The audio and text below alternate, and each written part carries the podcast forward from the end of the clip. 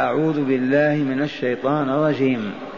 قل يا أهل الكتاب تعالوا إلى كلمة سواء بيننا وبينكم. ألا نعبد إلا الله ولا نشرك به شيئا ولا يتخذ بعضنا بعضا أربابا من دون الله. فإن تولوا فقولوا اشهدوا بأننا مسلمون. يا أهل الكتاب لم تحاجون في إبراهيم وما أنزلت التوراة والإنجيل إلا من بعده؟ أفلا تعقلون؟ ها أنتم هؤلاء حاججتم فيما لكم به علم. فلم تحاجون فيما ليس لكم به علم؟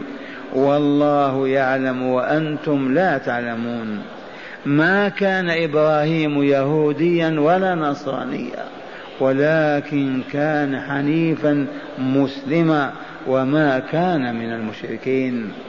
إن أولى الناس بإبراهيم للذين اتبعوه وهذا النبي والذين آمنوا والله ولي المؤمنين. الحمد لله. الحمد لله. الحمد لله. عجب هذا القرآن العظيم. هيا بنا نتدارس هذه الآيات. قل يا أهل الكتاب من الآمر بكلمة قل؟ الله. الله رب العالمين. منزل القرآن العظيم على خاتم أنبيائه وإمام رسله نبينا محمد صلى الله عليه وسلم. قل يا أهل الكتاب نادهم يا أهل الكتاب من هم أهل الكتاب؟ إنهم والله لليهود والنصارى. لأن اليهود بين أيديهم التوراة وإن حرفوها وإن زادوا وإن نقصوا وإن قدموا وإن أخروا لكن أصلها موجود. التوراة النور الإلهي. والنصارى بين أيديهم الإنجيل الإنجيل الذي أنزله الله على عبده ورسوله عيسى عليه السلام. إذا فهم حقا أهل كتاب وإلا لا؟ ويكفي أن الله عز وجل يقول لرسوله قل يا أهل الكتاب ناداهم بهذه الصفة التي يفرحون بها ولا ينكرونها فلهذا يستميلهم النداء بهذا. يا أهل الكتاب يريد أن يقول لهم ماذا؟ تعالوا. تعالوا. ما قال هلم. تعالوا. لأن مقام الرسول عال فوق. ارتفعوا أيها الهابطون إلى المقام السامي العالي وهو مقام النبي محمد صلى الله عليه وسلم. عرفتم الفرق بين هلم إلينا وبين تعالوا. ارتفعوا أيها الهابطون إلى مقام النبوة المحمدية لتتعلموا الهدى وتعرفوا الحق. يا أهل الكتاب تعالوا إلى كلمة سواء بيننا وبينكم كلمة العدل والحق والإنصاف. هيا. كلمة سواء أي كلمة عدل بيننا وبينكم. ما هذه الكلمة؟ هي ألا نعبد إلا الله ولا نشرك به شيئا ولا يتخذ بعضنا بعضا أربابا من دون الله. هذه كلمة العدل. وهي ألا نعبد نحن وأنتم إلا الله. لا نحن نعبد الله وأنتم تعبدون الأصنام والأوثان أو تعبدون الأولياء والرهبان. ألا نعبد نحن ولا أنتم إلا الله. هذا هو الإنصاف والعدل. ولا نشرك به تعالى شيئا من الشرك أو الشركاء. لا عيسى ولا أمه ولا روح القدس جبريل ولا غير جبريل. لا موسى ولا العزير. فقط نعبد الله وحده ولا نشرك به شيئا من الشركاء قلوا أو كثروا ولا شيئا من الشرك ولو كلمة. ولو انحناء برؤوسنا. ثانيا ولا يتخذ بعضنا بعضا اربابا وآلهة دون الله. ولا يتخذ بعضنا بعضا اربابا أي آلهة يعبدون من دون الله عز وجل. اذا فاليهود كالنصارى قدسوا علماءهم ورهبانهم ورفعوهم إلى مستوى الألوهية والربوبية. فقد أحلوا لهم ما حرم الله فأطاعوهم فأحلوا ما حرم الله. وحرموا عليهم ما أحل الله وأباح وأذن فحرموا على أنفسهم اتباعا لعلمائهم. فكانوا بذلك قد اتخذوهم اربابا لأن الرب هو الذي يحل ويحرم هو الذي يمنع ويجيز لأن الرب هو المربي العليم الحكيم. فهو يحل ما فيه خير للعباد ويحرم ما فيه ضرر للعباد وشر.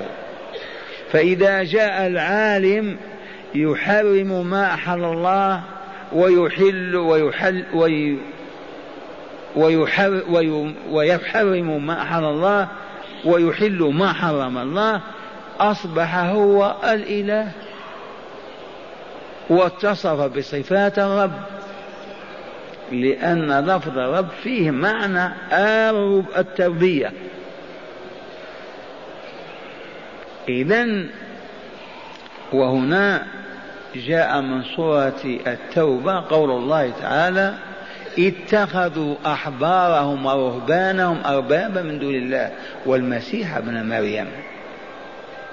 هذه الآية لما سمعها ذاك الصاحب من هو عدي ابن حاتم الطائي وهو أي حاتم الطائي مضرب المثل في الكرم والجود وولده تنصر وأصبح نصرانيا فلما أسلم في أخريات من أسلم سمع الرسول يقرأ اتخذوا أحبارهم ورهبانهم أربابا من دون الله فأنكر ذلك وقال لا يا رسول الله ما اتخذناهم أربابا.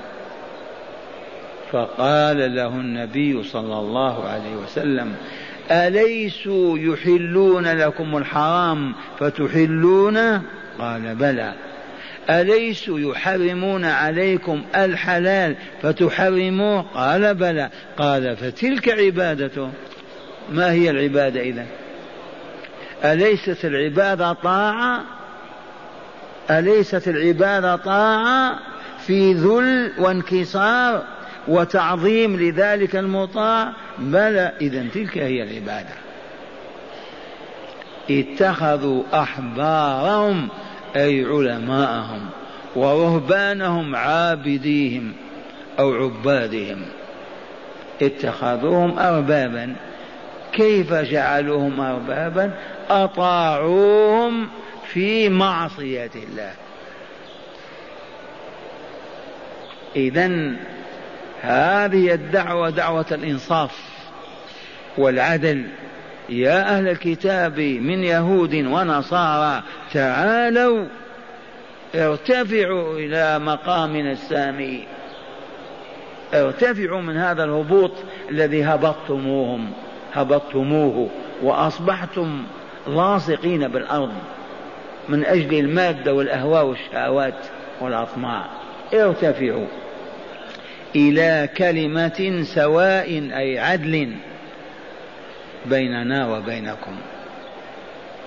ما هذه الكلمة؟ هي ألا نعبد إلا الله.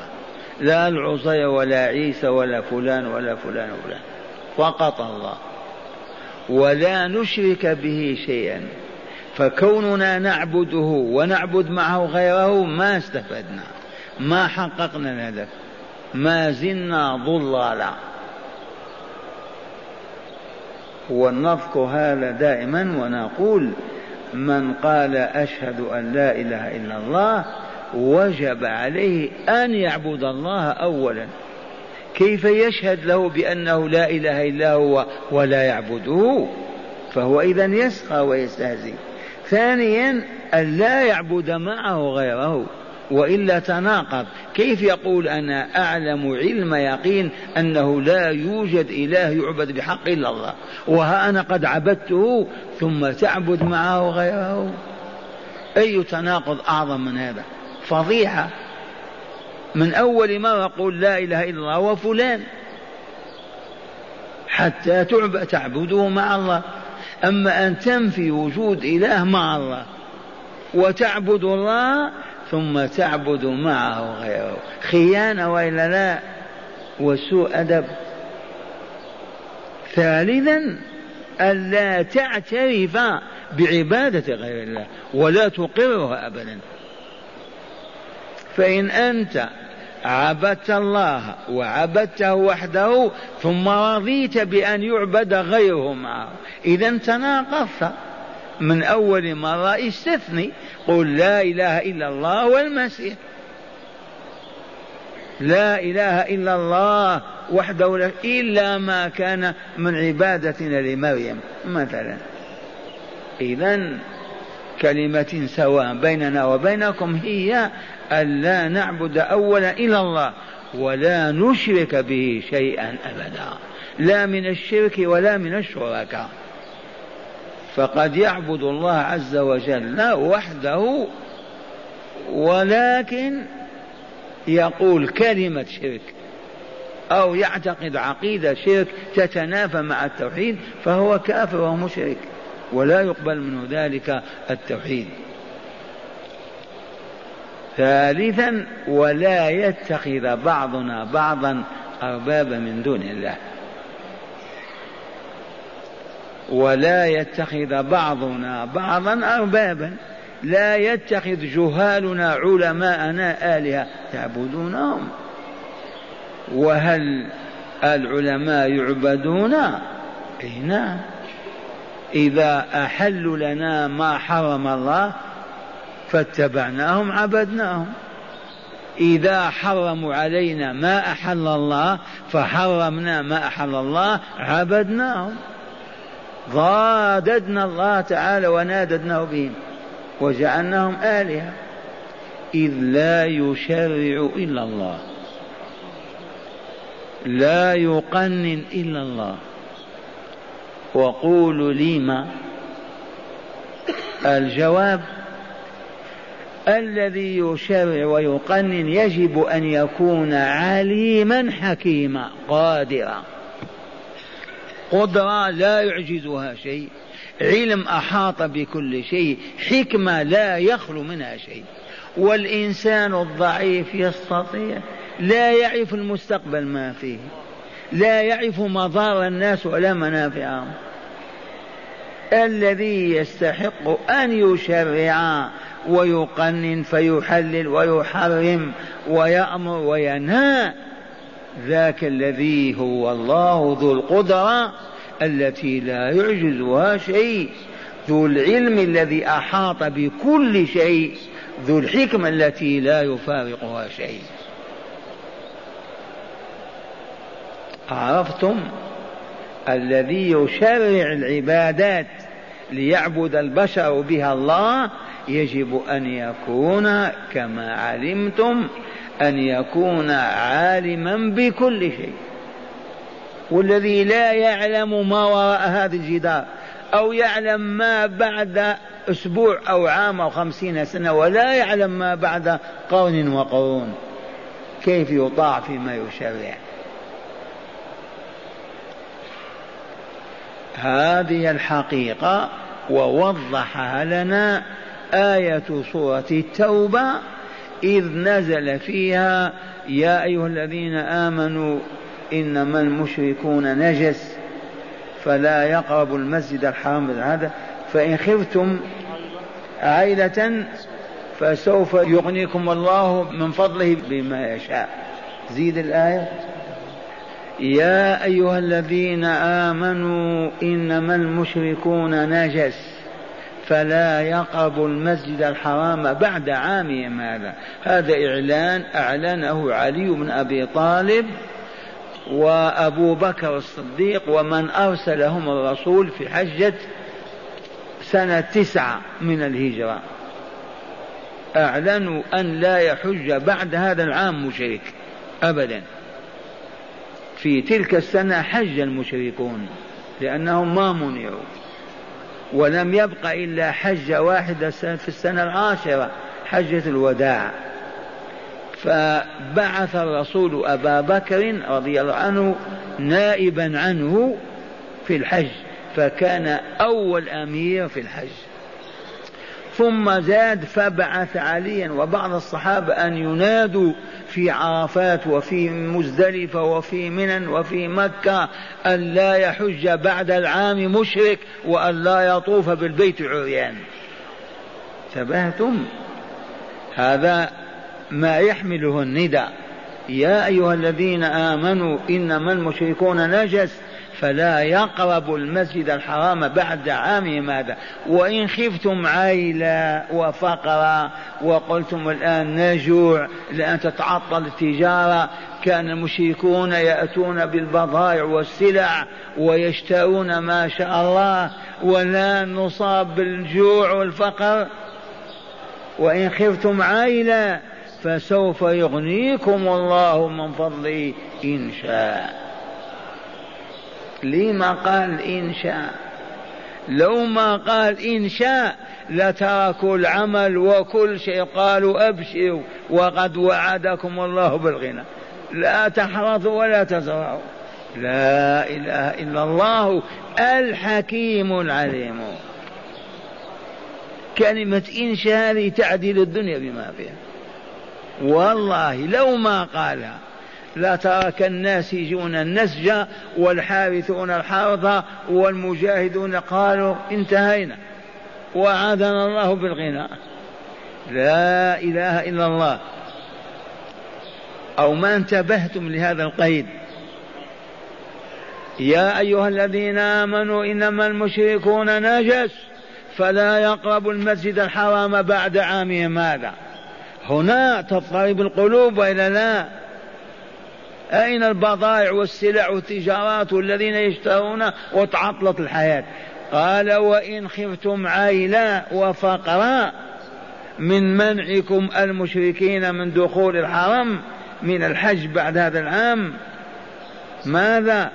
فسوف يغنيكم الله من فضله. إن شاء إن الله عليم حكيم. عرفتم هاتين الصفتين؟ عليم بكل شيء حكيم في تشريعه في كل شيء. فاستجيبوا أطيعوا امنعوا المشركين من هذا العام. لا تقبل مشركا يحج بعد هذا العام. ثم قال قاتلوا الذين لا يؤمنون بالله ولا باليوم الآخر ولا يحرمون ما حرم الله ورسوله ولا يدينون دين الحق. من الذين أوتوا الكتاب حتى يعطوا الجزية عن يد وهم صاغرون. أذلة هنا بين لنا شركهم وكفرهم لا تقل اليهود والنصارى ما هم كفار ولا مشركون. اسمع الله يقرر شركهم وكفرهم وقالت اليهود عزير بن الله وقالت النصارى المسيح ابن الله ذلك قولهم بأفواههم. أما الواقع والله ما المسيح ابن الله ولا العزير ابن الله. قولهم بأفواههم يضاهئون قول الذين كفروا من قبل. قالوا كما قال المشركون من العرب وغيرهم. يضاهئون قول الذين كفروا من قبل. قاتلهم الله أن يؤفكون. اسمع علة هذا اللعن. قال اتخذوا أحبارهم ورهبانهم أربابا من دون الله. اليهود اتخذوا العلماء أربابا والنصارى اتخذوا العباد والرهبان أربابا من دون الله. من أخبر بهذا الواقع؟ الله عز وجل. هل يقول الله غير الصدق والواقع؟ حاشا إلا أن يقول كذا اتخذوا أحبارهم ورهبانهم أربابا من دون الله والمسيح ابن مريم وما أمروا إلا ليعبدوا إلها واحدا لا إله إلا هو. سبحانه عما يشركون. هنا لما سمع عدي بن حاتم الطائي النصراني العربي كان بالشام متنصرا قال يا رسول الله ما اتخذناهم أربابا من دونه كيف تقول هذا؟ هو لو كان يعني متزنا ثابت العقل ما يقول هذا والله الذي قال. ثبات هذا ما هو قول الرسول هذا قول الله. يا حاتم أنت أعلم من الله؟ لكن لما كان يواجه الرسول صلى الله عليه وسلم قال يا رسول الله ما اتخذناهم أربابا من دون الله. فأجابه أستاذ الحكمة صلى الله عليه وسلم معلمها بما شفى صدره وهدأ من قلقه وهواته. قال أليسوا يحلون لكم الحرام فتحلوه؟ قال بلى. إي نعم. أليسوا يحرمون عليكم الحلال فتحرموه؟ قال بلى. قال فتلك عبادته. ما هي العبادة إذن؟ أليست هي الطاعة؟ مع الإذعان والذل أو الذل والاحترام والتعظيم هي العبادة. إذا عبدتموهم اتخذتموهم أربابا. وهذه الآية نزلت في وفد نجران فاسمعوها. قل يا أهل الكتاب تعالوا إلى كلمة سواء بيننا وبينكم. لا ظلم ولا جور. نحن وأنتم سواء ما هذه الكلمة؟ ألا نعبد إلا الله.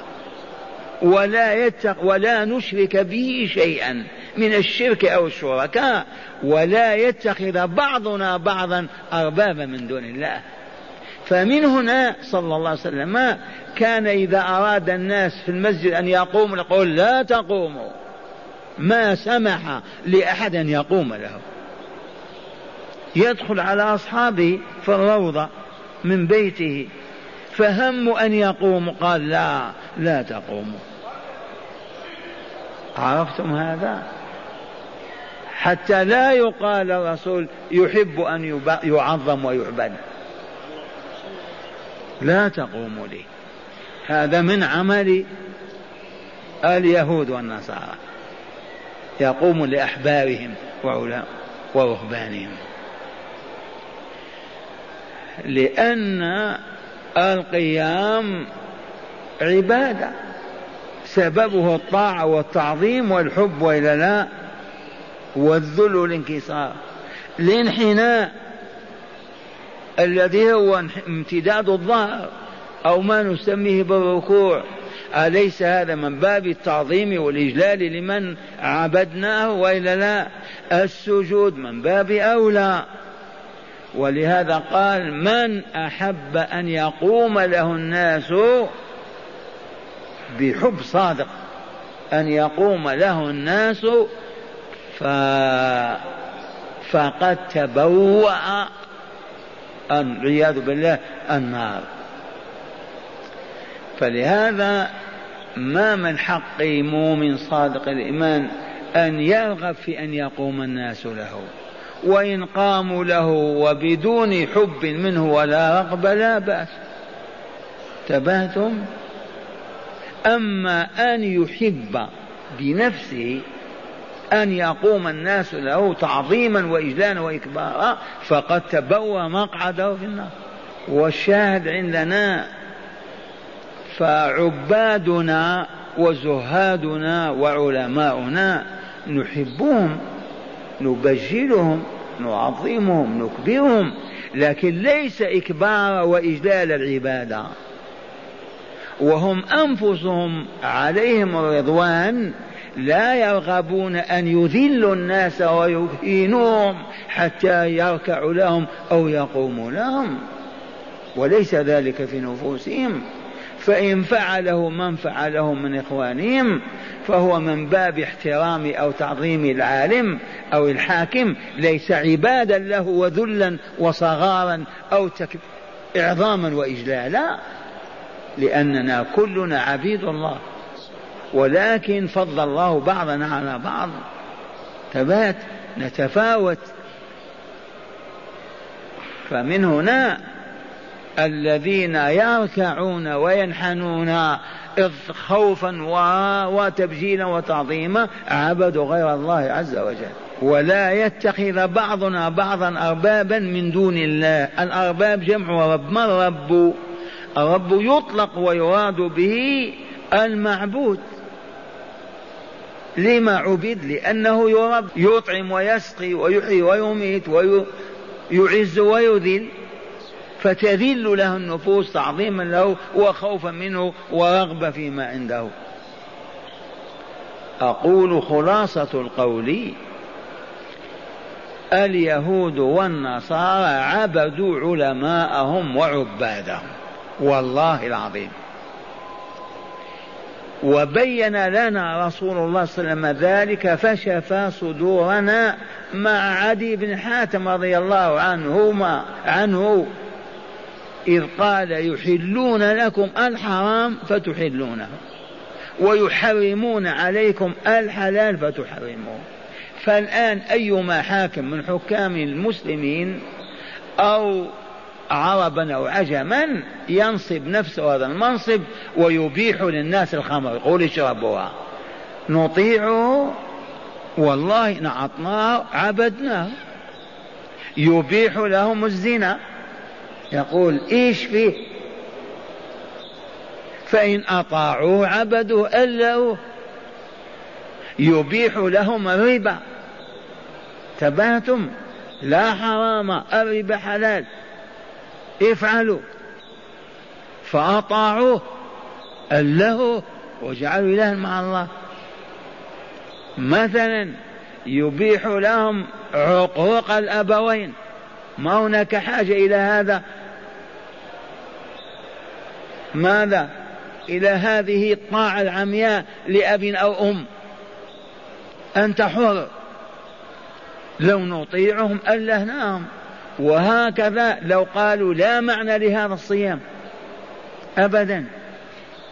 فأطعناهم فتركنا الصيام الذي فرض الله عبدناهم وألهناهم. أقول أما ما كان من غير ما أحل الله ولا حرم من أمور الدنيا الحرث والزراعة والصناعة والتجارة وما إلى ذلك هذه إذا نظر الحاكم إلى مصالح الأمة أو المسلمين وأذن في هذا قال اتركوا هذا لما يترتب عليه هذا أمر واسع وجائز ما هو بعبادة. فالحكيم صلى الله عليه وسلم قال يحرمون عليكم ما أحل الله لكم فتحرمونه. أو يبيحون لكم ما حرم الله فتبيحونه وتحلونه. هذه مضادة لله وإلا لا؟ هذا هو الشرك بعينه فالدعوة الإسلامية الربانية المحلل والمحرم هو الله عز وجل والمطاع في ذلك هو الله إذ هو الرب المربي وهو العليم الحكيم. فإن والدك يا بني قال لك لا تجلس مجالس الباطل والمنكر. فطاعة هنا من طاعة الله عز وجل لأن الله حرم هذا. أبوك ما يرضى لك هذا الفساد. ما تقول إذا عبدت أبي. أبدا. إذا مربيك أو شيخك قال يا فلان لا تستعمل هذا الدخان لأن فيه مضرة ومفسدة. لا تقول إن أطعته عبدته جعلت إلها مع الله. لأن معلمك أو مربيك رأى أن هذا ضار بك ومفسد لعقلك أو مالك فنهاك عنه. مثلا هذه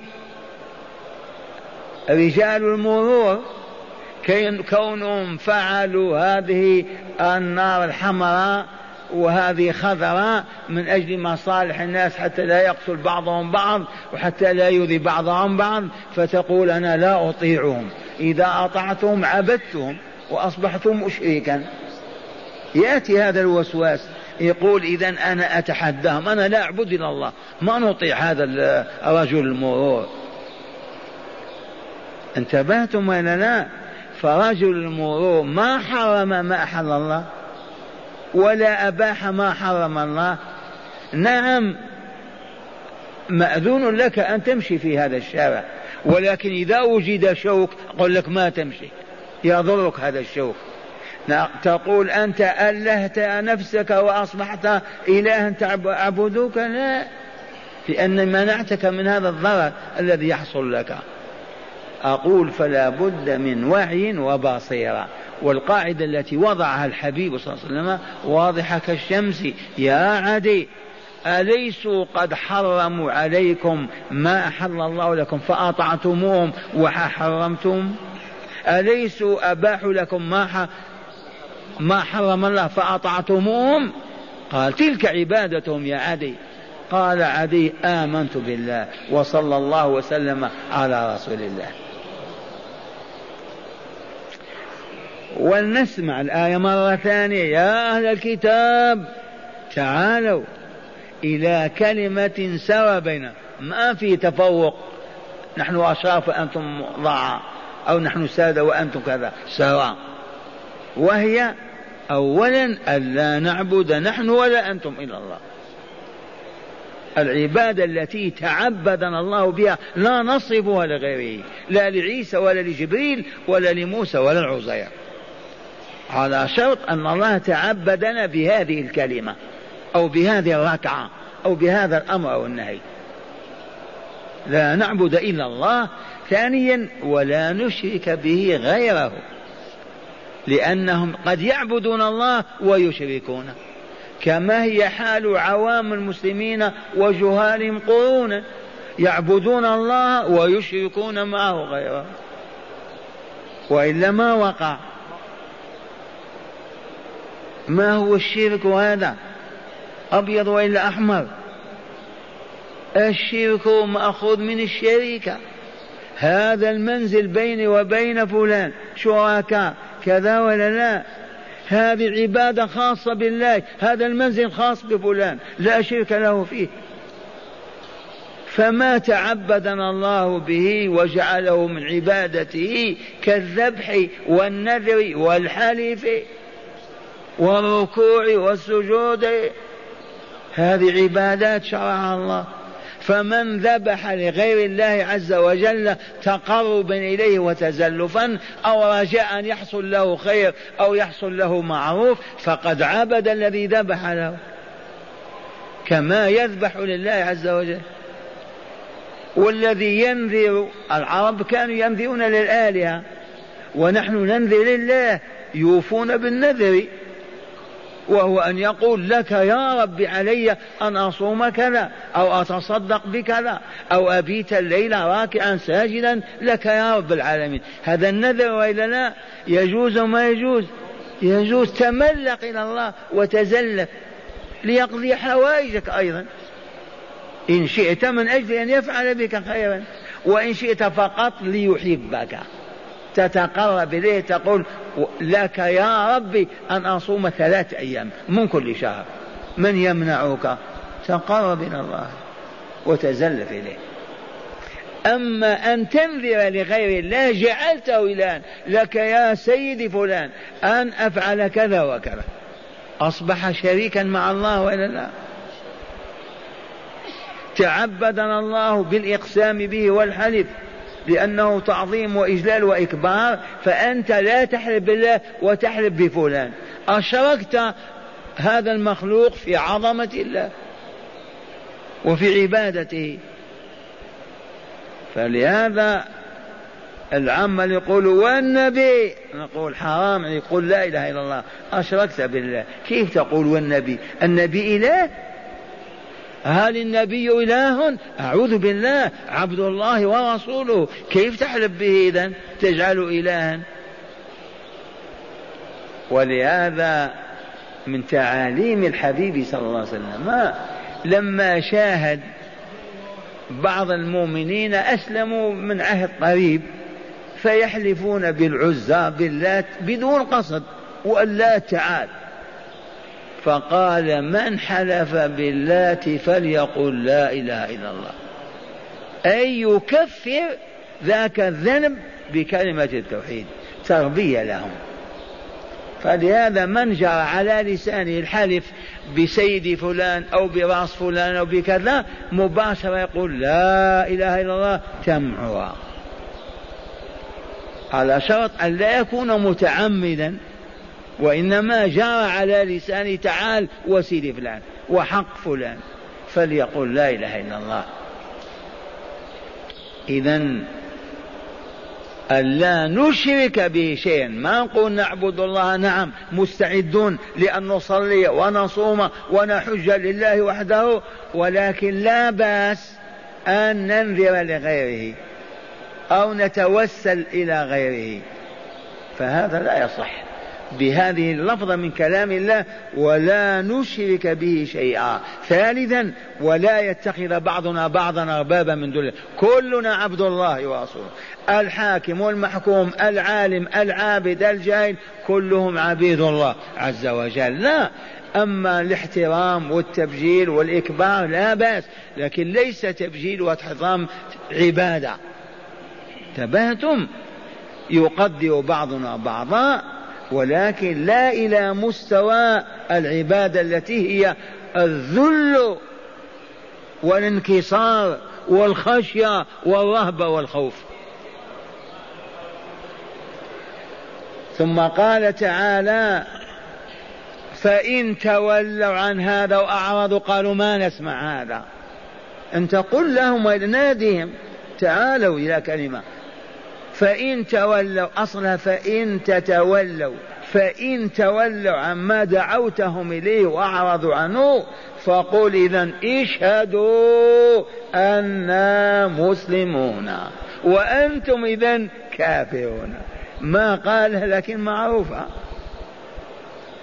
فإن تولوا عن هذه الدعوة عن هذه المناظرة عن هذا اللقاء ورفضوا الحضور انتبه إذا فقولوا لهم اشهدوا إذا بأننا مسلمون وأنتم معروف.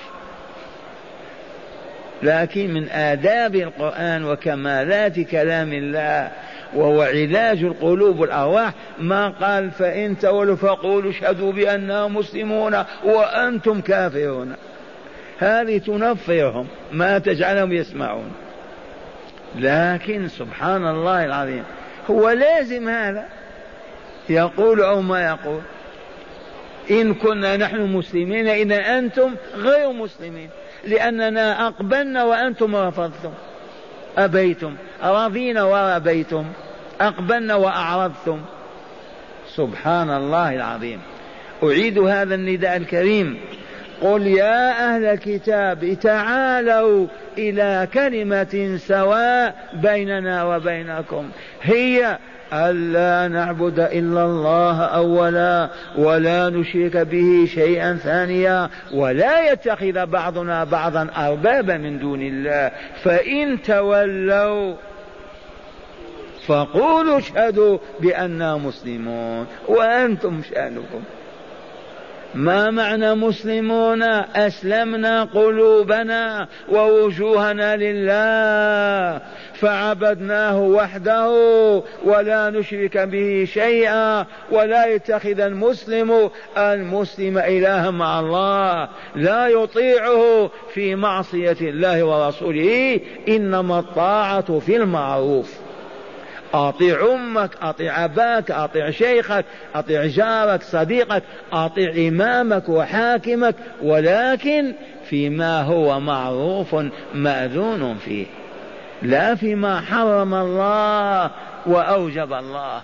فتترك ما أوجب الله أو تفعل ما حرم الله طاعة لأمك أو أبيك أو شيخك أو حاكمك. إذا القاعدة التي وضعها الرسول إنما الطاعة في المعروف. وأزيدكم مع هذا الهيجان الموجود في العالم العربي من أجل هذه الصحوة انتبهتم ما بلغنا. يقينا أن حاكما أمر مواطنيه بأن يفجروا أو يسرقوا أو يسبوا الله ورسوله أو يتركوا الصلاة أو يؤذوا الجيران. إلا ما كان من محنة عدن لما ظهرت فيها الشيوعية. نعم. حاولوا أن يكفروهم. ولكن الله عز وجل أزالهم وأبادهم. تبهتم نعم. وجد في بعض البلاد بعض الحكام انتقدوا الصيام وقالوا إيش هذا صوم يعوقنا ويعطلنا لكن ما سمعوا لهم ولا أطاعوهم. ولا اكلوا رمضان ففشلوا. أما أننا بلغنا أن حاكما في بلاد العرب قال للمواطن أيها المواطنون دعونا من هذا الصيام أو دعونا من هذا التزمت كيف لا ينكح إلى كذا وكذا فليتزوج ما شاء. أو قالوا لهم كيف هذا الربا؟ افعلوا ما شئتم يجب أن ترابوا. ما كان أبدا. فيما علمنا والله أعلم. فيكم من سمع شيء ولكن المسلمين هم الذين تهوروا وسقطوا في المحنه ما سألوا العلم ولا انقادوا لعلمائهم ولا استجابوا لهم. ففعلوا ما حرم الله عز وجل. جاء النداء الثاني. يا أهل الكتاب لم تحاجون في إبراهيم؟ وتقولون كان إبراهيم يهوديا. والنصارى قالوا إبراهيم كان نصراني. مجانين هؤلاء. إليكم هذه الرواية. قال القرطبي نزلت هذه الآية في معاذ بن جبل وحذيفة بن اليمان وعمار بن ياسر حين دعاهم يهود من النظير من بني النظير وقريظة وبني قينقاع إلى دينهم. لا هذه في الآية الآتية. ودت طائفة من الكتاب. المهم أن اليهود قالوا للرسول صلى الله عليه وسلم ما إبراهيم كان يهوديا. تبهتم قال روي أن ابن عباس رضي الله عنهما قال قال رؤساء اليهود والله يا محمد لقد علمت أن أولى الناس بدين إبراهيم منك ومن غيرك. فإنه كان يهوديا. وما, ما وما بك إلا الحسد. فقط فأنزل الله تعالى هذه الآية ما كان إبراهيم يهوديا ولا نصرانيا ولكن كان حنيفا مسلما. والعبرة بالعموم. والشاهد عندنا في قول تعالى قل لهم يا أهل الكتاب لم تحاجون في إبراهيم؟ وما أنزلت التوراة والإنجيل إلا من بعده. فما سميت اليهود اليهود يهودية إلا بعد ما نزلت التوراة. وما قيل في النصارى نصارى إلا بعدما نزل الإنجيل. وإبراهيم كان قبل موسى وكان قبل عيسى. كيف تجادلون في هذا؟ يا أهل الكتاب لم تحاجون والحجاج الجدال في قولهم اليهود يقولون إبراهيم كان يهوديا. النصارى قالوا آه عيسى كان يهوديا. في الحقيقة النصرانية كاليهودية بدعتان. وجدتا بعد إبراهيم بألف سنة أو أكثر من ألف سنة. كيف يكون هذا؟ هذا كله نتيجة الجهل من عوامهم. قالوا إبراهيم كان يهودي على ديننا. النصارى عوام قالوا أما الرؤساء فهم يدجلون ويكذبون فقط للفتنة ولصرف الناس عن الإسلام. فأبطل الله هذه الدعوة بهذه الآية الكريمة. يا أهل الكتاب لم تحاجون في إبراهيم وما أنزلت التوراة والإنجيل إلا من بعده؟ والله ما كان إبراهيم يهوديا ولا نصرانيا. إذ على عهده لا يهودية ولا نصرانية. اليهودية بدأت متى؟ لما قال تعالى لما قالوا هدنا إليك. أو هو من يهوذا. أبدلت الذال فيه دين. دال. الذال دال. فاليهودية بدعة ابتدع اليهود وقالوا نحن على ملة اليهودية.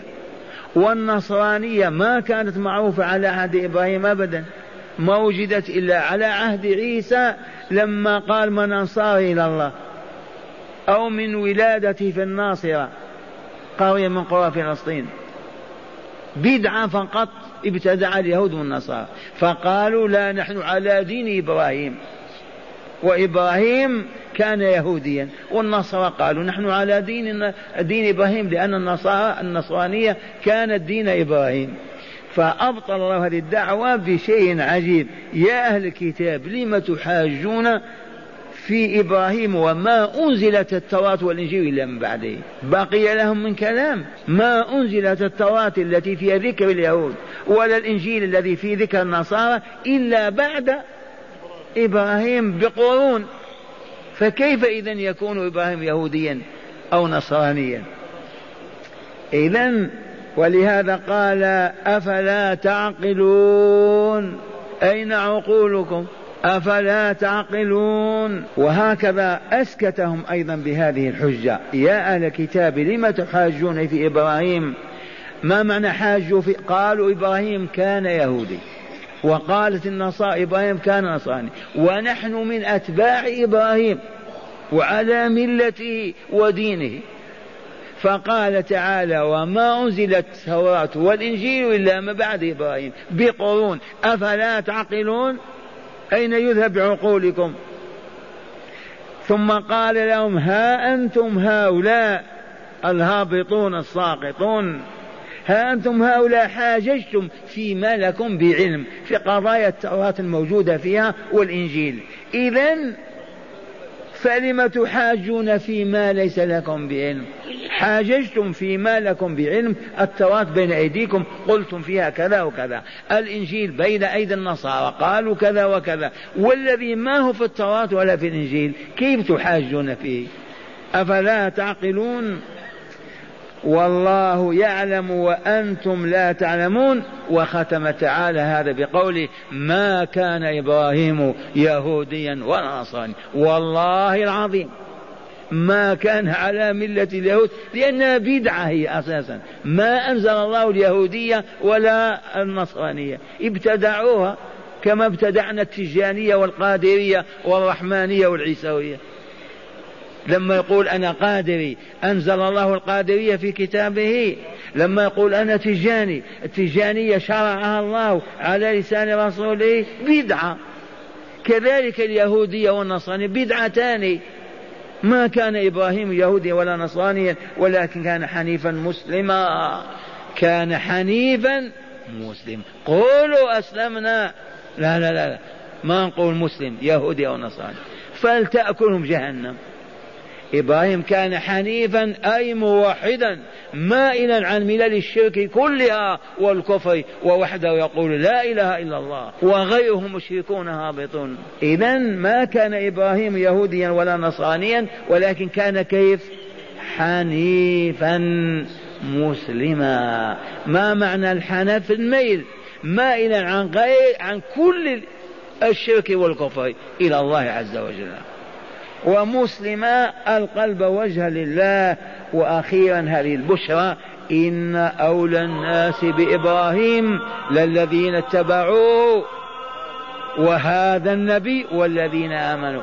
الحمد لله. إننا من أهلها. وصلى الله على نبينا محمد وعليه هذه نعمة كبيرة. وهذا النبي والذين آمنوا.